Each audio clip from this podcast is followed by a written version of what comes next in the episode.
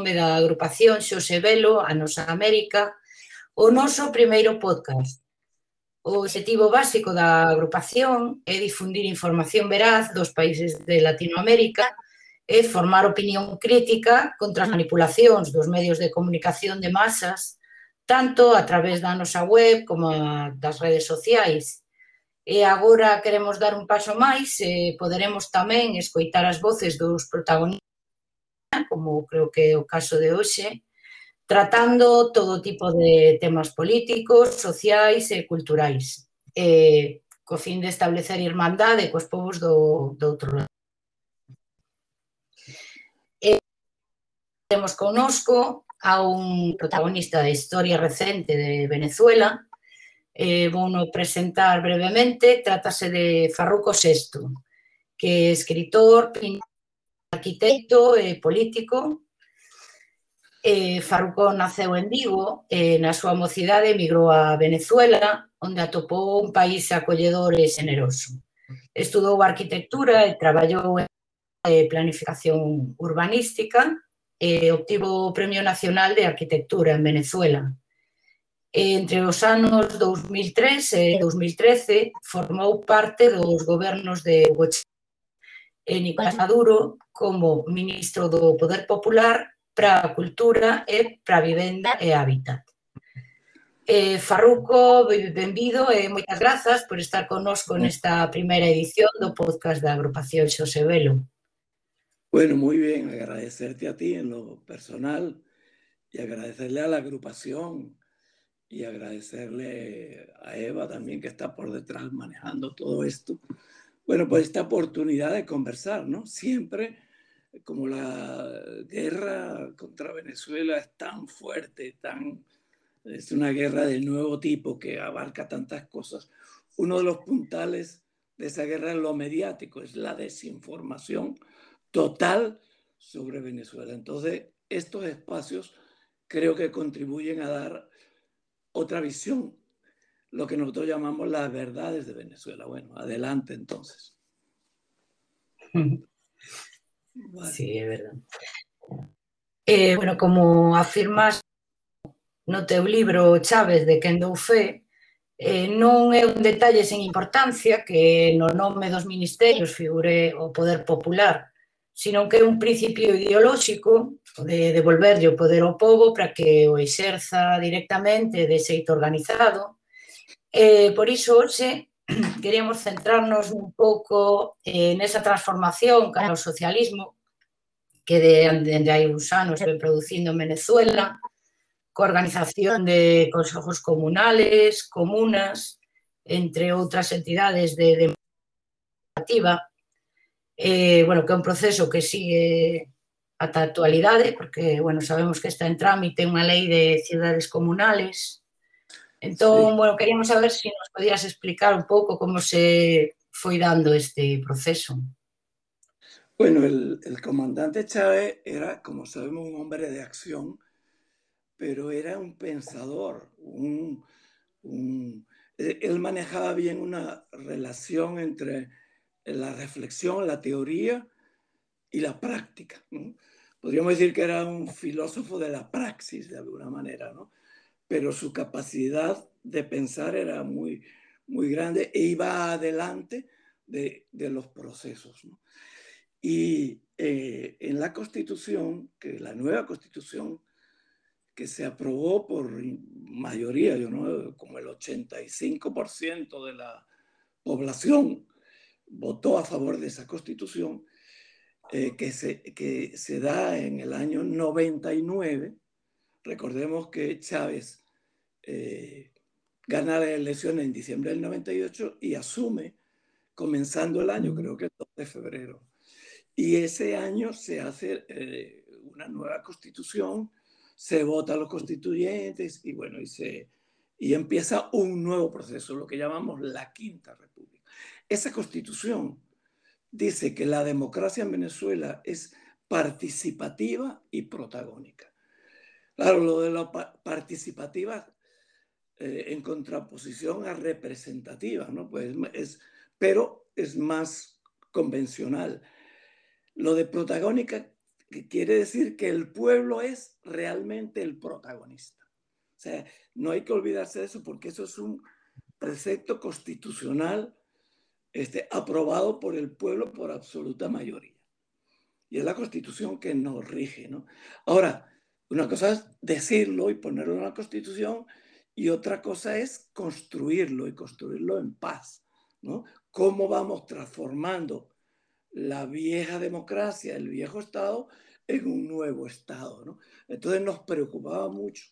Chávez empieza a reflexionar cómo hacer ese, ese poder popular que en algún momento dado él hace un decreto para que los ministerios, como tú creo que recordabas ahora, eh, eh, adquieran la, la, nominación de Ministerio del Poder Popular para la Cultura, hasta la, hasta la Cancillería, Ministerio del Poder Popular para las Relaciones Exteriores. Es decir, ahora, ese es el planteamiento, pero ¿cómo se ejerce ese poder popular? Que no sea votando cada tantos años, ¿verdad? Entonces, eh, de ahí ya pasan varios años, hay el golpe del año 2002, hay una recuperación económica, hay una construcción que se va haciendo sobre la marcha, inventando cosas. En un momento dado, ya se empieza a hablar de los consejos comunales y se hace una ley de los consejos comunales. Bueno, era como, como ese poder popular se iba organizando, se iba organizando en el territorio. Nosotros tenemos un concepto de, se le llamaba la, la, la, nueva ecuación del poder, dentro de la nueva geometría del poder, que es que liga el poder con el territorio en las distintas escalas, ¿no? para la construcción del, del socialismo. Entonces, en la escala de la comunidad está, eh, eh, digamos, el Consejo Comunal. Tiene una ley que lo rige, tiene una serie de condiciones y características. Varios consejos comunales se agrupan en una comuna. Esa comuna, digamos, sería como la unidad, eh, la unidad territorial eh, social, eh, digamos, de todo, de todo el sistema. ¿no? Una comuna que puede tener eh, mil habitantes, dos mil habitantes, no es lo mismo una comuna en el campo que una comuna, comuna en la ciudad, y que tiene una ley que la, que, que la, la, la, rige, ¿no? yo tengo la, la, un orgullo que es que yo soy uno de los, como era ministro en ese momento, firmo firmo, soy un firmante de la ley, ¿no? Saben que la ley la aprueba el Consejo de Ministros, todos los ministros firman. Sí, bueno, sí. Entonces, eh, tiene una serie, una institucionalidad, tiene un banco, que es el Banco de la Comuna, que es una organización económica financiera de carácter social que va gestionando, digamos, los problemas para el desarrollo comunal, tiene unas cartas comunales, serían como unas leyes, como una ordenanza, hay una carta fundacional, ¿verdad? Bueno, están las comunidades, tiene una contraloría, tiene un consejo de economía comunal, hay una institucionalidad allí, ¿no? Pero bueno, eh, ya en este momento hay 3.500, 4.000, yo no, no tengo la cifra exacta al día, ¿no? Pero son muchas las comunas que ya están funcionando. Funciona mejor en, en, situación de campo, porque allí como un soporte muy grande de la comuna es el tema productivo, eh, es como relativamente más fácil tener como una estrategia productiva en, eh, en pequeños caseríos, pequeños pueblos, es decir, ligado más al medio rural. En una condición de gran ciudad, a lo mejor no es tan fácil concebirlo, ¿no? pero eh, la comuna es parte de, de ese, de, es como ese eh, eh, núcleo, esa célula de todo el sistema que conduce a la creación de un Estado comunal. O sea que ese nuevo Estado que se eh, va formando mientras creamos el socialismo, ese va a ser un Estado constituido por comunas, pero hay distintas escalas. El problema del poder popular lo entendemos muy bien. Hay un, una comunidad que se autogobierna, ¿verdad? Se planifica, se conoce sus condiciones, tiene un apoyo financiero, etc. Pero pensamos en una nación, pensamos cómo se da esa unidad del poder popular. Entonces, eh, hay, hay la ciudad comunal, que es cuando una ciudad en todo su, hacia adentro de todo su perímetro, las comunas todas, todas se van poniendo de acuerdo y constituyen la ciudad comunal. Una ciudad ya existente, pero pasa a ser una ciudad tradicional, pasa a ser una ciudad eh, comunal. Y así vamos hasta alcanzar el Estado comunal. No sé si con esa idea es, es el poder popular trabajando, digamos, en la realidad. No sé si con eso así como, de entrada se entiende Sí, yo creo que sí. Quedó claro todas. Buenas eh, tardes. Ay, es verdad, eh, Yago. Hola, Yago. Hola. Yago. Aval. Desde, el otro lado del Atlántico, que está en Venezuela. ¿Qué tal, Yago? Ben, ben, ben. A pesar de coller mototaxi e todo para chegar a tempo, con amenaza de choiva, despois foi a foi a tecnoloxía que me fastidiou un pouco. Así que eh, levo aquí cinco minutos, non sei cal de que estaba a falar o primeiro, das comunas, evidentemente, pero sí. perdí un pequeno anaco. Sí. Nada, estaba lle preguntando a, a Farruco como fora un pouco o proceso onde a formación dos consejos comunales, ata, bueno, ata agora que se está desenvolvendo esta lei de, de cidades comunales, eh, nos explicou así o proceso. Eu quería saber porque, bueno, segundo dixo o comandante Chávez nunha das súas alocucións, o propósito deste tipo de organizacións de poder popular era trascender as institucións existentes, polo que é un cambio que se vai producir paulatinamente, pero queríamos saber como se coordina, como se están a coordinar as comunas cos, coas institucións, por exemplo, municipais, e cara onde hai que ir neste, neste aspecto, non? Sí, hay, hay un ministerio del poder popular para las comunas. No sé si en este momento tiene, mantiene ese mismo nombre. Pues, nuestra institucionalidad es muy movediza hacia adelante, siempre va dando pasos y va avanzando, avanzando hasta en la nomenclatura, ¿no? Es como una transformación desde dentro y cada cambio significa un, proceso que ha logrado tener un determinado éxito. Entonces, hay, hay un ministerio que va como organizando, digamos, va avalando desde la representación del gobierno del Estado va avalando, digamos, la, la existencia. Tiene que haber alguien que eh, cuando los, la, los consejos comunales se unen y hacen una carta fundacional, bueno, todo eso tiene que coordinarse, ¿no? Entonces, bueno, así se va, se va avanzando, pero eso es un, como una mancha de aceite que se va extendiendo por la vieja institucionalidad y poco a poco la va complementando y después para irla sustituyendo. Llegará un momento en que ya la vieja institucionalidad no exista. Nosotros todavía tenemos una institucionalidad que viene de la colonia, incluso los nombres, una, una, eh, un municipio, por ejemplo, se divide en parroquias que tienen una connotación hasta de la organización de la iglesia, etcétera, ¿no? Todavía funciona, están en la Constitución. Van a caminar en paralelo no sé cuánto tiempo, pero eh, a medida que se va construyendo la institucionalidad del poder popular, bueno, las cosas se van modificando en paz, en tranquilidad y democráticamente. Sí, sí. Eu quería preguntar algo, Farruco, aproveitando que falas de democráticamente agora, eh, que aí para a xente aí en xeral a democracia é ir a votar cada 4 anos por alguén a da que non coñecen personalmente, ademais, e eh, que, que pensas ti que implica para a democracia as comunas? Yo creo que es la base, yo creo que es, eh, es la fórmula que en Venezuela se encuentra, eh, digamos, para construir el socialismo democráticamente, ¿no?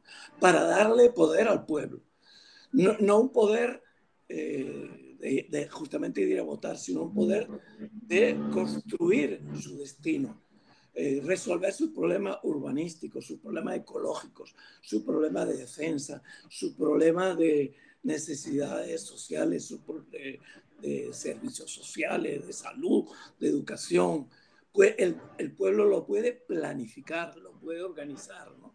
Para eso tiene, como hablábamos hace un rato, su, sus eh, instrumentos comunales, un parlamento, un, una contraloría, una un, un, banco, ¿verdad?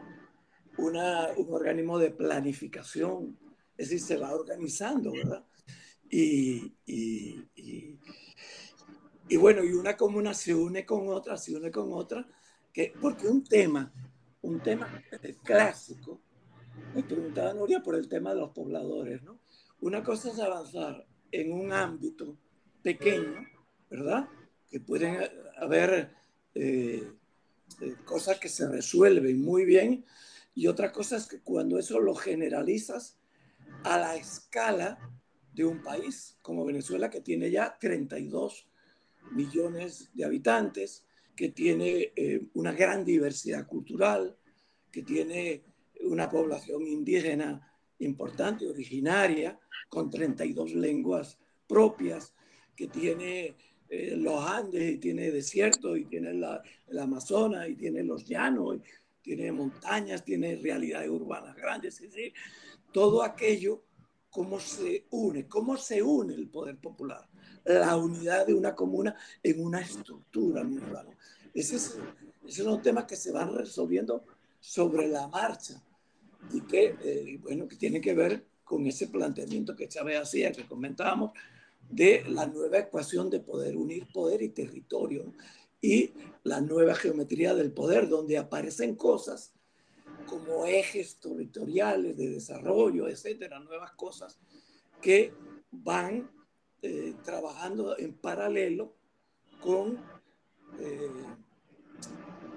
con, con las, la institucionalidad territorial que tiene siglos, que, que, que a veces no es más no, no, no, es funcional de todo. ¿no?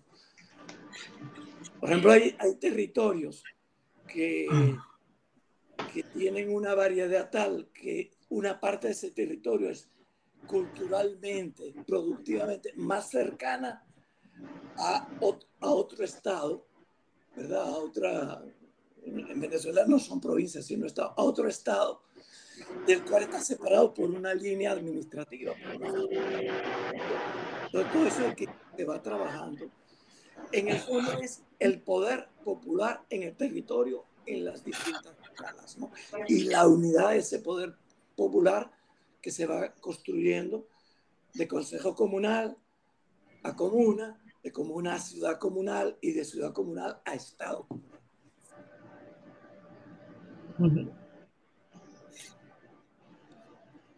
Yo creo que es muy interesante. A mí me parece que es una cosa porque, eh, por otro lado, no es socialismo utópico, es socialismo real, en el sentido que es un proceso que lo vas haciendo, ¿no? Si nos, si nos dejaran, si no nos tuvieran esta guerra integral de nuevo tipo tan, tan destructiva, ¿verdad? Que, bueno, que cuyo objetivo es eh, desanimar al pueblo para que abandone este, proyecto, porque, eh, bueno, si tienes un cerco financiero, mediático, diplomático, te bloquean, te secuestran los activos, te quiten, no puedes importar medicina, ni repuestos, ni maquinaria, ni nada. Al final es para que no sigas adelante con este proyecto. Es decir, lo que Obama en algún momentos de sinceridad dijo, bueno, cuando hay otras naciones que no encajan en nuestras ideas, le retorcemos el brazo. Bueno, eso es lo que están haciendo, que es muy cruel. Pero lo maravilloso de todo esto es que el pueblo sigue y sigue y sigue, y cada día aparecen nuevas comunas, algunas más exitosas que otras, algunas son emblemáticas, ya tienen mucho avanzado, otras, bueno, son más dificultades. Una comuna urbana es más difícil, ¿no? Resolver, por ejemplo, el tema productivo. Bueno, la comuna tiene su propia historia también, tiene, tiene unas vivencias, tiene, bueno, hasta hay una cultura comunal, obviamente. Sí. Quería preguntar un poco. Me parece fascinante, porque cuando uno lo compara con la democracia representativa, que es que las personas van a votar, ¿verdad? No saben muchas veces ni por quién votan, ¿no? Ni, bueno, votan por unas estructuras que hay allí y un bombardeo mediático que más o menos te va convenciendo de cuáles son los problemas. Y, por ejemplo, eh, eh, una significación de que una determinada, no quiero referirme a nada porque no, no debo hacerlo, ¿no? pero que una en un determinado sitio el problema de la libertad es fundamental. Bueno, es una abstracción, ¿cuál libertad? Uno no, no sabe qué exactamente, pero los medios te van trabajando y llega un momento en que tú dices, pues salgo a votar por la libertad o salgo a votar por un cambio, no da ni por qué cambio vas a votar. Esta, este otro modo de construirse, eh, poco a poco, democráticamente, ir armando esa nueva sociedad que le dé al pueblo la felicidad que merece, que acabe con, con, la pobreza, con la soledad, con tantas cosas malas que trae eh, la, pobreza, la opresión, la exclusión, ¿verdad? Esta nueva fórmula que tiene que ir combinada con lo que dije la Constitución, que, corresponde también al viejo Estado. Hay elecciones municipales, hay elecciones a las gobernaciones, que son, como está dividida en Venezuela en, en los estados, 24 estados, 23 más el distrito capital. Hay elecciones al, al, Congreso, hay elecciones presidenciales, pero mientras tanto el pueblo desde abajo va construyendo una nueva realidad cultural, productiva, social, muy hermosa, ¿no? Si nos dejaran, si no nos, eh, no nos acorralaron, acorralaran para, para aniquilar este proyecto, de todas formas nosotros decimos que no van a poder, no van a poder. Nosotros vamos a seguir adelante, el poder popular en acción. Y a mí, otra de las cosas que me sorprende eso, a maneira en que se transmiten eses valores comunitarios, non? Porque outro dos, dos piares da revolución bolivariana é o coñecemento. Entón, eso, que como reciben eses valores as xeracións novas, un tempo que polo menos visto dende aquí, dende Occidente, cada vez de maior individualismo, non? Entón, Sí, bueno, ese es un poco el, tema de los tiempos, pero justamente estas cosas van cambiando un sentido común que fue inculcado durante siglos de dominación y ya en la etapa neoliberal el énfasis en eso fue terrible, ya eh, el individuo lo es todo, lo demás no, no es nada, todo depende de, tu esfuerzo y si triunfa, cuando uno oye, por ejemplo, a los líderes norteamericanos, el caso de Trump, eh, que divide a la sociedad en vencedores, como dice él, eh, triunfadores y perdedores, ¿no? Y tú eres triunfador, es todo, el éxito, y, los perdedores no importan, no importan, como los casi medio millón de muertos en Brasil no importan, porque ese no es el problema. Entonces, eh, justamente ese cambio de sentido común de ver la vida de otra manera, de mirar y ver a los demás, sentirlo, sentirte parte de ellos, parte del conjunto. Antes los pueblos originarios no existían, ¿verdad? La, la, cultura profunda, la cultura tradicional no existía, ahora conviven, conviven las culturas de masas, las nuevas formas de, de, de arte, pero conviven con, eh, con el alma colectiva que viene de atrás. Es decir, y se proyecta hacia adelante todo ello. Bueno, eh, eh, eh es una revolución, es un milagro, pero también es una cosa muy bonita de verla, una ebullición de todos los factores sociales que es realmente muy, muy emocionante, ¿no? Y ahí se meten los jóvenes, y particularmente las mujeres. Las mujeres son las protagonistas principales. Yo tengo la experiencia, porque me ha tocado durante muchos años, digamos, ligarme al poder popular, digamos, todo el, trabajo, ¿no?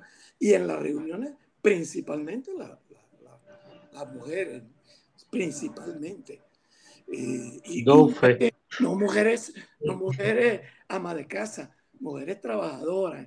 Y, sigue, y creo que sigue siendo así. Y los jóvenes también se van incorporando, ¿sí? pero es, asombroso. Y, yo, yo no conozco exactamente ahora las cifras, pero el promedio de, de edad del Consejo de Ministros no creo que supere los años, ¿verdad? Es, bueno, es también la satisfacción de estar creando un mundo nuevo en la realidad, en la realidad, ¿verdad? Claro, sabemos todas las dificultades que hay, sobre todo si los grandes poderes mm, te lo impiden, como el caso, por ejemplo, de Cuba. Cuba es una nación que no tiene energía, prender la luz le cuesta no sé cuántos millones de dólares cada día, porque no tienen fuentes de energía, eh, no tienen grandes actos de agua, es decir, la bloquean, le quitan todos los recursos, eh, eh, y sin embargo, ahí está, ahí está, ahí está. Bueno, ¿por qué está? porque conoció durante siglos la opresión, la exclusión, la injusticia, la falta de poder real del pueblo, ¿verdad? Como lo conoció Venezuela y como lo conocen todas las naciones de América Latina y de muchas partes y del mundo también. Es decir, y eh, bueno, y estas nuevas propuestas de construir de un mundo nuevo, pues realmente tienen, tienen sustento. ¿Cómo es ¿Cómo, se, cómo, cómo ustedes podrían preguntarse cómo es que con esas dificultades, cuando eh, la vida cotidiana realmente la convirtieron en, en, en, una cosa muy difícil de, de, vivir, todo es muy difícil en este momento en Venezuela con el bloqueo, ¿cómo es que el pueblo sigue votando por este proyecto? Y de 25 elecciones que generales que ha habido hasta el momento, la revolución ha, triunfado en 23 y seguirá triunfando seguramente, a pesar del chantaje político que significa todo esto.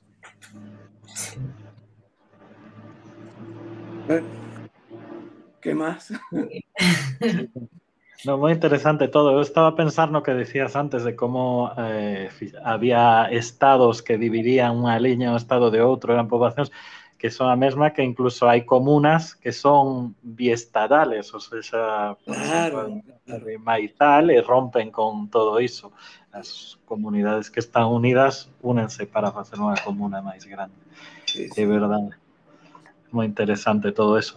E non sei se xa falachedes do tema da lei de, de cidades comunales que estás a, a falar estes días. Eu farei con xente do movimento de pobladores que vai facer propostas e todo o mundo está aí coas súas propostas. Non sei se xa tedes falado algo disto. Como cheguei tarde, disculpa.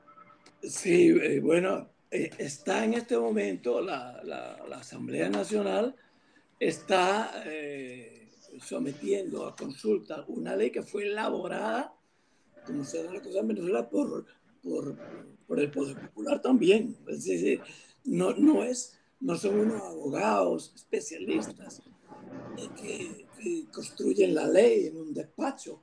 la ley se va construyendo de abajo hacia arriba.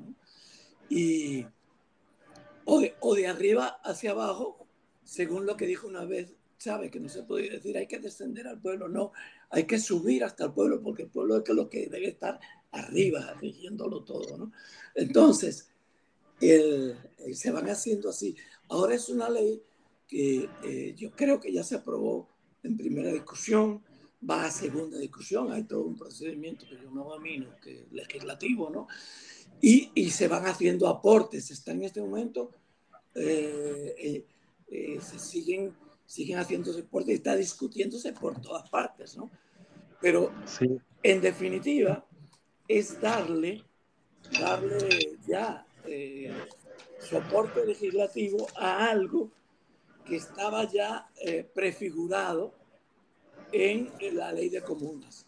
En la ley de comunas ya se habla, si no me equivoco, ya se habla de la ciudad comunal como un objetivo, ¿no? Bueno, lo que era un objetivo cuando aquella ley se hizo, mm, no recuerdo ahora, 2007, 2008, 2009, no recuerdo. Este, lo que era un objetivo, ahora ya es un objetivo mucho más cercano que ya precisa una ley. Y en algún momento también habrá que hacer eh, reformas constitucionales para construir el Estado comunal, pero es un proceso, un proceso pacífico, pero este, bueno, que va avanzando y que no se deja chantaje. Sí, está, estaba a mirar que a veces a xente vai ainda máis rápido que as leixes, porque xa está en Apure está a cidade comunal Simón Bolívar, por exemplo, ¿no? Sí, bueno, en Venezuela nos emocionamos mucho y a veces hasta le damos nombre a cosas que realmente todavía le, le, le faltan estructura. No conozco el caso, pero así vamos, vamos con, con mucha emoción. Y hay, ya tú eh, citabas el maizal, por ejemplo, como ejemplo de comuna, ¿no? Ya hay unas, unas cuantas que han avanzado muchísimo, arrancaron muy rápido y además que con una personalidad política, que entran en la discusión, digamos, con argumentos propios en la discusión política, que en un país como Venezuela es permanente, permanente, con argumentos muy sólidos y bueno, no se dejan, no sé. Sabemos que hay un problema de que mm, en este momento hay que cuidar las distintas unidades, la unidad cívica, porque es un país muy agredido, sometido a una guerra. Hay que cuidar la unidad cívico militar, la unidad del pueblo, la unidad de los patriotas, la unidad de los revolucionarios, la unidad de todo el pueblo inclusive aunque, no, aunque ideológicamente no sean personas que, que, quieran o aspiren a construir el socialismo, porque a lo mejor no, no les parece bien, pero tienen que tener una unidad ante una patria agredida y amenazada incluso de invasión militar, que decían que todas las cartas estaban sobre la mesa. Entonces hay que cuidar esa unidad. Entonces, es muy particular esto porque los debates y las discusiones presuponen una lealtad, ¿verdad? Entonces, bueno, a veces incluso no es fácil. Si digo esto, ayudo al enemigo. Y sin embargo, bueno, entre revolucionarios, ¿verdad? Que tienen a veces incluso distintas ideas. En este momento hay debate sobre la ley de las zonas especiales, zonas económicas especiales. Y ahí están los revolucionarios eh, discutiendo, ¿no? En general hay un gran entusiasmo para avanzar. Eh, pues es un hecho, es una realidad. Sí, é verdade, e é curioso aquí o tema ese da discusión, eh, e mesmo nalgúa desas comunas aí, sen dar nomes, pero en xeral, como funciona a xente ás veces eh, de, a xente que está a facer cousas, porque despois hai outros que só opinan sin máis e eses moitas veces si pasan para outro lado. Pero es que están a facer moitas veces queixándose de isto, isto non funciona, tal, tal, pero a hora da verdade saben onde teñen que estar aí. Eh, como di Farruco aí diante da agresión, a, a maioría penso que teñen claro onde estar. Hay, hay una frase de, de Mao que a mí siempre me, me ha parecido muy oportuna en ciertas asambleas, que a veces las asambleas se desvían y empiezan a salir cualquiera a, decir cualquier cosa, ¿no? Y pierden, pierden sustancia, ¿no? Y Mao decía, el que no ha investigado no tiene derecho a hablar. O sea que tú tienes que ya llegar con un conocimiento. Pero fíjate, en un consejo comunal, en una comuna, no se supone ni siquiera que hay que investigar. A lo mejor cuando vas a decir unos datos tienes que informarte, pero como estás viviendo los problemas, la, suponte que hay un problema de una plaga o de una superproducción de un elemento, un problema de distribución, qué sé yo, un problema de machismo, entonces tú, que, bueno, remoras ideológicas, ¿no? Entonces, eh, tú te sientes con argumentos para opinar, ¿verdad? Entonces es muy rico, es, realmente son discusiones muy ricas y muy interesantes, para nada aburridas, ¿no?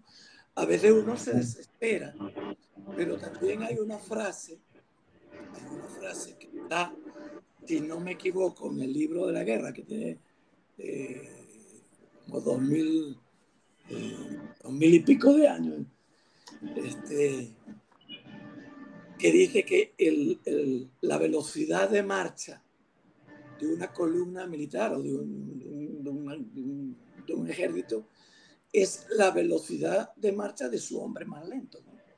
Entonces, en, la, los debates también hay que tener en, eso en cuenta, hay que tener una paciencia, porque tiene, tiene que, eh, eh, eh, la tarea de la vanguardia es devolverle al pueblo, a la gente, si alguien se considera vanguardia y si la gente te considera que eres vanguardia, eh, te, te, considera un líder porque te lo ganaste, no porque te nombraron, sino porque te lo ganaste. Entonces, tu tarea como vanguardia es devolverle al pueblo, a la gente, con precisión lo que de la gente recibes con confusión porque ese mare magnum de gente hablando de una cosa, de la otra, no sé qué, opinando, que bueno, hay que tener el, eh, justamente el papel del liderazgo es organizar todo aquello. Pero ¿de dónde se nutre todo ello? De, de, la, de las experiencias prácticas de la vida en comunidad. No hay otra fuente. Contrastada con los problemas que yo me refería antes, a los que me refería antes, de la unidad del poder popular, que es problema de ese poder popular en otras escalas. Es muy confuso, no sé. Eh, no, a veces no es fácil explicar estas cosas. No, é verdade que hai, hai cousas de por aquí que, que é mellor vivilas cando se pode vivir. Ademais, hai cousas culturais, por exemplo, no?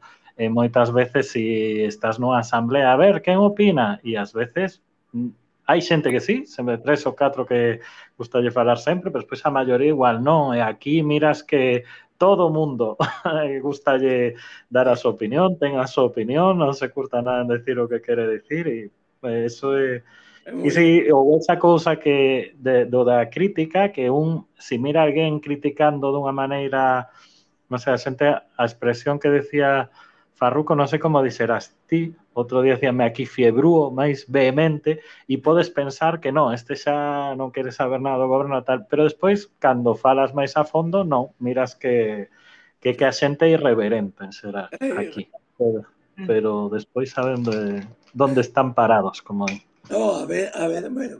E paradas, que a maioría son mulleres, como dicía Farruko.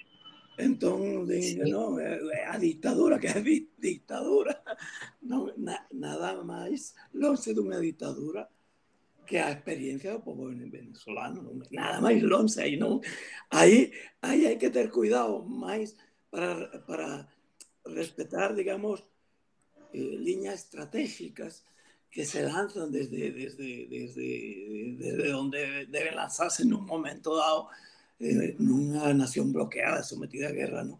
Pero con cuidado, pero a, a, povo é irreverente e é, é, é dono do poder. É, sabe, sabe, sabe o que quere, sabe para onde vai, ¿no?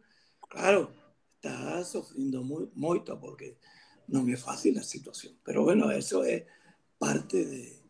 Mira, eh, Yago, tú sabes que la guerra de la independencia en, en Venezuela, que duró unos cuantos años, ¿no? Eh, sí, sí, sí. El territorio, en el territorio que equivale más o menos a lo que es la Venezuela de hoy, no es exactamente igual, había 900 mil habitantes. Cuando terminó la guerra, quedaban 600 mil. Uno de cada tres se había muerto en la guerra. Hambre, de, de desolación, se comieron el ganado, en un país que lo que tenía era la producción agrícola, ¿no? Y tal, bueno, fue mucha dificultad, pero, pero valió la pena porque conseguiste, digamos, por lo menos un primer paso hacia una independencia que no es completa, que ahora, digamos, dimos un paso serio hacia una independencia política, pero todavía, todavía no has logrado la independencia absoluta, digamos, el poderle hablar a tú a tú, porque ya tienes, tienes ya la capacidad de hacerlo. Ahora lo hacemos desde la dignidad, pero sabiendo los problemas que tenemos, de dificultades, de dificultades de todo tipo, digamos, de pobreza, que no hemos logrado terminar con esa, con esa pobreza, pues, pero a veces, a veces se juzga al mundo desde un esquema, digamos, eh, como, desde un tópico, y, y resulta que el mundo es muy variado, son muchas culturas, son muchas realidades, países sometidos, digamos, por ejemplo, a la situación africana. Perdonen que me extienda, porque la conversación se pone interesante. Y uno este, por ejemplo, la, la, los, los, regímenes colonialistas, ¿verdad? Que, que, que, lo que hicieron con África, esto fue una cosa terrible. Es decir, yo no sé cómo Europa en algún momento, digamos, todo, todos los países europeos prácticamente, porque todos participaron en eso, ¿no? ¿Cómo, cómo, cómo trataron, destruyeron las culturas, le quitaron a, los mejor, a la mejor gente millones de personas para hacer el tráfico de, de esclavos, una cosa terrible, ¿no? Marcaron fronteras, hicieron lo que les dio la gana, ¿no? ¿Verdad? Y, y, y, después con el neocolonialismo de este siglo, sí, con la explotación, digamos, digamos, con una especie de paternalismo civilizatorio, ¿no? ¿Verdad? Una cosa que es absolutamente eh, muy, eh, digamos, muy, muy difícil de, de, entender desde una ética humana, ¿no? De verdad, ¿no? Y bueno, tienen, y, y, sin, y, y, sin embargo, entonces lo ven así como, como una cierta cosa de pueblo atrasado, pueblos primitivos, ¿no? no. Ahí hay muchas veces mucha más riqueza ética en lo fundamental, en lo, en lo humano, que la que puede haber en muchos países que se dicen eh, civilizados y que siguen promoviendo guerras. Venezuela, que salió alguna vez de sus fronteras para conquistar independencia y crear países, Venezuela no le ha tocado salir a participar en ninguna guerra. Es un país en paz no, mm, no se ha salido de incluso, incluso no se ha salido de los cauces de la democracia representativa. Trata de, no se ha salido de los compromisos de la legalidad internacional de la ONU. Lo ha respetado absolutamente todos. Sin embargo, está siendo sometida a esto que, que estamos viendo como si fuera un país atrasado. ¿no? Superaremos nuestros problemas bueno, con ese pueblo eh, eh, con personalidad propia, muy diverso. No es lo mismo un guayó, un guayú, allá en, el lago de Maracaibo, que un guarao en el otro extremo, en el delta, que son dos pueblos originarios, que un habitante de la, de la Caracas, de los barrios caraqueños de hoy día, ¿no? Creo que ahí va cultura afrodescendiente, que es muy interesante. Entonces, una comuna Guarao, una comuna Guayú, una comuna en San Agustín, en Caracas, son distintas. Tienen los mismos propósitos, la misma ley que la rigen, pero son distintas porque culturalmente son distintas, pero tienen unos grandes propósitos. Es muy hermoso. Sí. No, no. Diana, disculpa. No va a ser fácil editarlo. Ah, sí, sí, eso non hai problema, eso despois miramos. Iba a comentar, para voltar ao tema de comunas, e igual rematar eu para non falarse tanto, eu, eh, bueno, aí xa máis de dous anos que non estaba por aquí, e eh, todavía non as comunas que visitei de momento son eh, urbanas, non son as rurais, eso está previsto nos próximos días, que son as máis grandes en xeral, e as que máis funcionan no productivo, ainda que nas cidades tamén se están organizando e, eh, e colaborando con xente no rural para que eh, a produción chegue directamente ás comunas e non claro. e non teña que pasar por intermediarios, pero comentábame xente, non sei se hai eh, dados cuantitativos pero comentábame que a pesares do bloqueo, así como o Producto Interior Bruto en xeral baixou e con todo o problema económico que hai agora e a situación está moi difícil, a organización comunal aumentou e mellorou. Eso foi o que me ten o que me teñen comentado de momento. Non sei se hai algún tipo de dado que poida refrendar eso, máis a das impresións da xente. Eu o teño notado en pequenas cousas de pois eh, vindo da Guaira para Caracas que non había nada cultivado, ahora hai cultivos por aí. Digo, bueno, xente puxose a producir. Mírase que como non hai do rentismo, o do rentismo, pero eh, no tema comunal tamén me dixeron que é así. Non sei se si dende o goberno hai algún tipo de, de, de control de eso, de si hai máis comunas, menos comunas, máis enteredas. Claro, o... Eh, yo no tengo las cifras a, a la mano, ¿no? pero evidentemente eso es, eh, es una, algo que va, que va creciendo. ¿no? Y bueno, y además con los, planes estratégicos de producción de, alimentos para nuestro pueblo, ¿no? Si, si, no puedes importar nada, si no te dejan hacer ninguna transacción financiera, si los barcos que, que, vienen no te lo dejan llegar, no te dejan llegar repuestos para, para la maquinaria agrícola, no te dejan llegar a fertilizar lo que necesites. Es decir, si todo, todo te lo niegan, bueno, evidentemente tú tienes que arreglártelas para producir. Venezuela tiene una tradición agrícola, ¿no? Venezuela lo que ha producido tradicionalmente es eh, el petróleo como un monocultivo y eh, y, la agricultura, ya en la colonia, el cacao y, bueno, toda la producción que, eh, que, que, el café y de las cosas que, que exportaba, ¿no?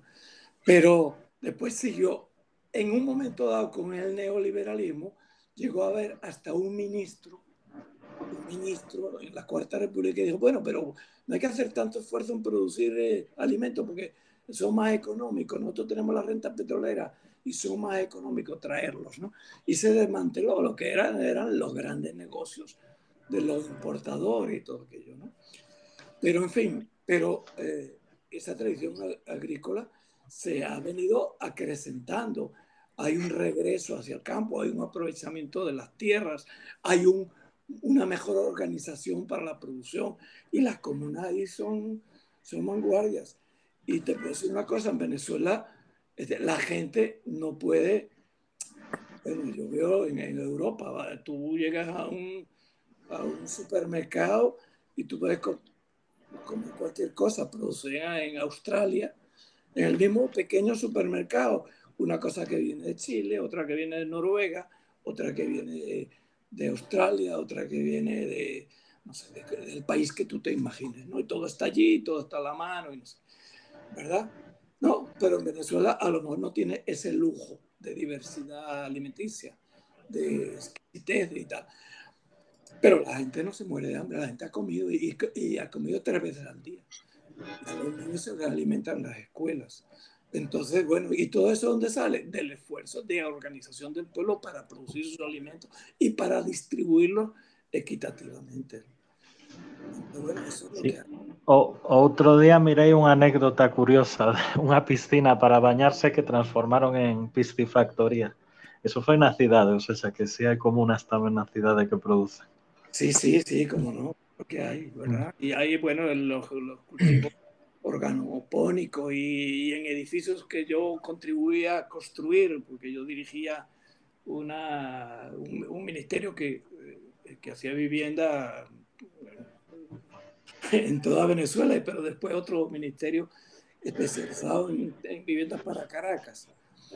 Este, en esos edificios, cuando los construí yo no pensé en eso, pero pues la gente como estaban bien calculados, porque Venezuela es un país sísmico, bueno, se organizó para producir en los techos planos de los edificios. Venezuela se construye mucho con techo plano de, de hormigón, ¿no? Y después impermeabilizado. Bueno, ahí hay jardines, pero no son jardines de flores, son jardines de, de lechuga, de distintas, de, de etcétera, ¿no? Y bueno, es una organización que eh, te permite alimentarte, te permite producir los, los, insumos básicos para la vida, poco a poco. Y bueno, una, una muestra de esa organización eh, que, también, que también se da en esos niveles de los consejos comunales es cómo se está organizando para la lucha contra la pandemia. Obviamente hay una dirección del Estado y unas estrategias del Estado, ¿verdad? Eso es indudable. Es indudable que no llegan, que llegan, no han llegado, han llegado muy poquita vacuna, que no llegan los, eh, eh, todos los aparatos que se necesitan para la hospitalización, para todo eso tiene, hay, hay uh, por ejemplo, Portugal nos tiene, el Banco, Banco Novo de Portugal tiene 1.500 millones de dólares secuestrados, que eran para esas cosas. En fin, y sin embargo, eh, en una Colombia que es la vecina, que tiene 85 mil fallecidos, en un Brasil que es vecino, frontera, y son fronteras grandes, que tiene eh, 450 mil fallecidos, va camino del medio millón, y Venezuela no llega a los 3 mil fallecidos. ¿Verdad? Es decir, porque hay una organización popular de nuevo también eh, trabajando articuladamente con, la, con, los distintos niveles de operatividad del Estado, ¿verdad? Para solucionar el problema y es exitoso.